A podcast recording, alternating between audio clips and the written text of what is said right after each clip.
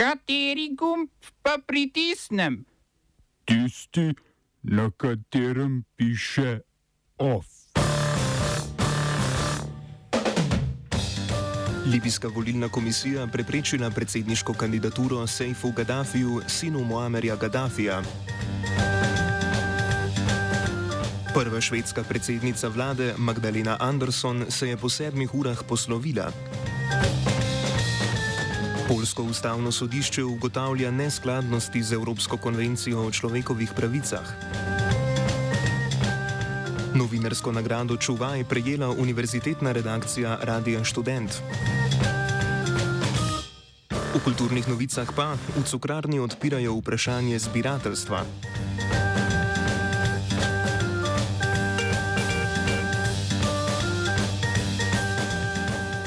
Libijska volilna komisija je zavrnila 25 od 98 uloženih kandidatur za predsedniške volitve.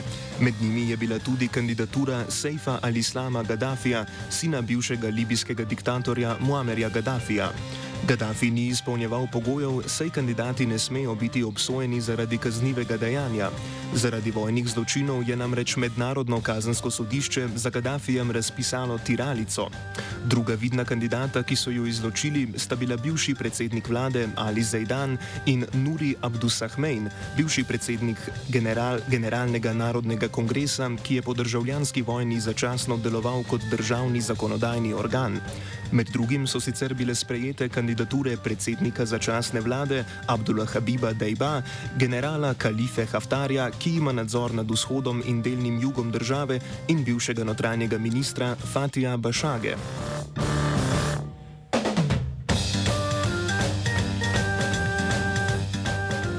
Za novega predsednika Interpola, mednarodne organizacije kriminalistične policije, je bil imenovan Ahmed Nasser al-Raisi, trenutno v vlogi generalnega inšpektorja na notranjem ministrstvu v Združenih arabskih emiratih. Imenovanje al-Raisija, ki so ga izvolili delegati večine držav na Interpolovi generalni skupščini v Istanbulu, velja za kontroverzno, saj ga različne nevladne organizacije na področju človekovih pravic že dlje časa obtožujejo odgovornosti za mučenja in drugih hudih zlorab položaja. Al-Raisi je bil sicer favorit za položaj tudi zato, ker so Združeni arabski emirati v preteklih letih Interpolu donirali velik del, po nekaterih ocenah približno tretjino letnega proračuna, ki sicer znaša približno 150 milijonov evrov.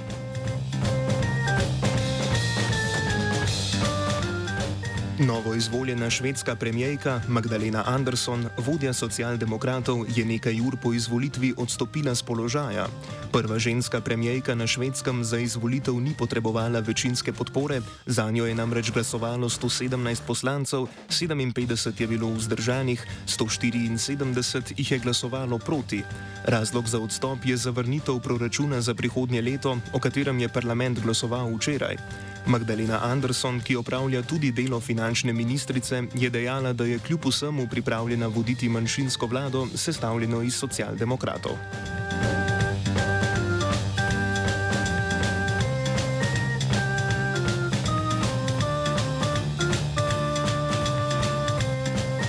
Polsko ustavno sodišče je odločilo, da Evropska konvencija o človekovih pravicah v nekaterih delih ni v skladu s polsko ustavo. To odpira novo bojno črto za polsko vladajočo stranko Zakon in pravičnost. Že dlje časa namreč poteka spor med Varšavo in Brusljem pred sodiščem Evropske unije. Sedaj je ustavno sodišče odločalo o sporu z Evropskim sodiščem za človekove pravice, ki ni del organizacije Evropske unije, ampak Evropskega sveta, starejše organizacije v več državah članicah. Sodba je neposreden odgovor na odločitev Evropskega sodišča za človekove pravice, ki je pred nekaj tedni polski vladi naložilo plačilo odškodnine dvema sodnikoma, ki jima je bila onemogočena prijava na delovno mesto. Polski ustavni sodniki so s tem Evropsko sodišče za človekove pravice razglasili za nepristojno za pregled in ocene zakonitosti imenovanj posameznih polskih sodnikov. Podobno odločitev je Polsko ustavno sodišče sprejelo v oktobru, ko je odločilo, da je nekaj členov pogodbe o Evropski uniji v neskladju s polsko ustavo, s tem pa zanikalo primarnost evropskega prava na polskem.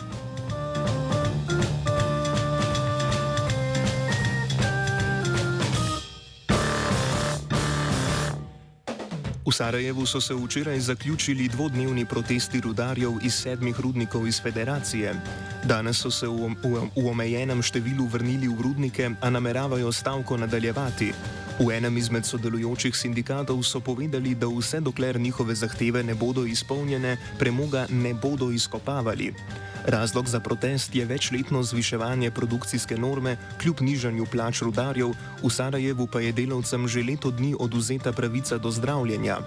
Na proteste se je v torek odzvala vlada, ki je sklicala izredno sejo, na kateri so se pogovarjali o zahtevah rudarjev. Rudnike ima v lasti državno elektropodjetje, ki je povedalo, da je zalog premoga v glavni državni termoelektrarni v Tuzli še za približno dva tedna. Oba, če, bom odgovoril na angliški. Slovenija will try to help. Uh, we can. Slovenija will. Uh, and we will. Do our utmost. To say that the situation is. Our problem ourselves. And uh, we will. Uh, make further steps as soon as the conditions are. Bomo vlado Marjana Cerer, Marjana Cerer Šarca podprli. Uh, very, very serious. From Slovenia. We know how and we will. Društvo novinarjev Slovenije je danes razglasilo prejemnike nagrade Čuvaj oziroma Watchdog. Komisija je nagrado za novinarskega debitanta prvič podelila celotni univerzitetni redakciji Radia Student, ki jo sestavljajo Hanna Radilovič, Jrnej Meden, Alja Pehar, Živa Šketa in Loriš Ramel Čebular. Prejem nagrade komentira urednica univerzitetne redakcije Hanna Radilovič. V prvi vrsti se uh, izjemno zahvaljujemo Društvu novinarjev Slovenije za to priznanje. Um, še posebej v kontekstu tega, da smo nedolgo nazaj skoraj izgubili financiranje ustanoviteljice šov v Ljubljani, ravno zaradi njihove obtožbe, da pristransko poročamo ravno na področju študentskega organiziranja. Ta nagrada dokazuje prav obratno, da smo legitimni, da smo uh, se držali novinarskih standardov in to so prepoznali v bistvu vodilni novinari v tej državi. To je že tretja nagrada Watchdog za radio študent v zadnjih letih. Čuvaja za, živ za življenski prispevek k razvoju novinarstva je letos prejela Gloria Lorenci, novinarka večera. Posamezni prejemniki nagrad so postali tudi novinarka televizije Slovenije Ksenja Horvat, Petr Žerjavič z časopisa Delo in novinarka večera Ana Lah. Poleg naše redakcije je bila kot mlada novinarka nagrajena še Uršula Zaletel z Vala 202.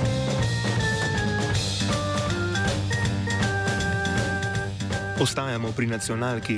Novinari informativnega programa Televizije Slovenije so pripravili novinarsko konferenco, na kateri so izrazili nasprotovanje programsko-produkcijskemu načrtu za prihodnje leto. Načrt je pripravil novi direktor Televizije Slovenija Valentin Areh in ukinja ali krajša več oddaj informativnega programa.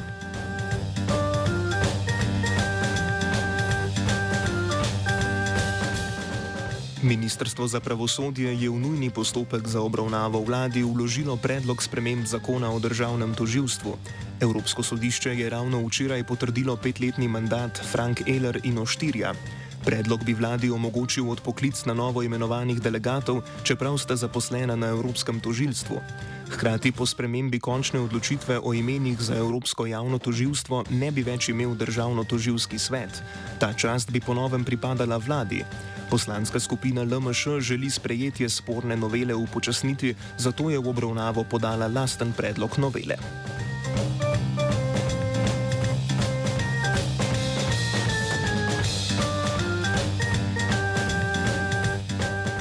Poslanci državnega zbora so včeraj soglasno sprejeli dopolnitev zakona o nujnih ukrepih na področju zdravstva, ki so ga predlagale opozicijske stranke. Zakon uvaja denarno nadomestilo samozaposlenim, družbenikom gospodarskih družb ter kmetom v primeru okužb s koronavirusom ali obveznosti varstva otrok zaradi odrejenih karanten. Omenjene skupine so bile namreč do sedaj izuzete iz pomoči, zato se nadomestilo plače uveljavlja tudi za nazaj, za obdobje od 1. julija dalje. V državnem zboru so poslanci razpravljali tudi o dopolnitvah k zakonu o dolgotrajni oskrbi. Zakon je deležen številnih kritik opozicije, predvsem o nejasnosti glede stroškov in vira financiranja ter neusklajenosti z deležniki. Tretja obravnava sledi na naslednji seji državnega zbora.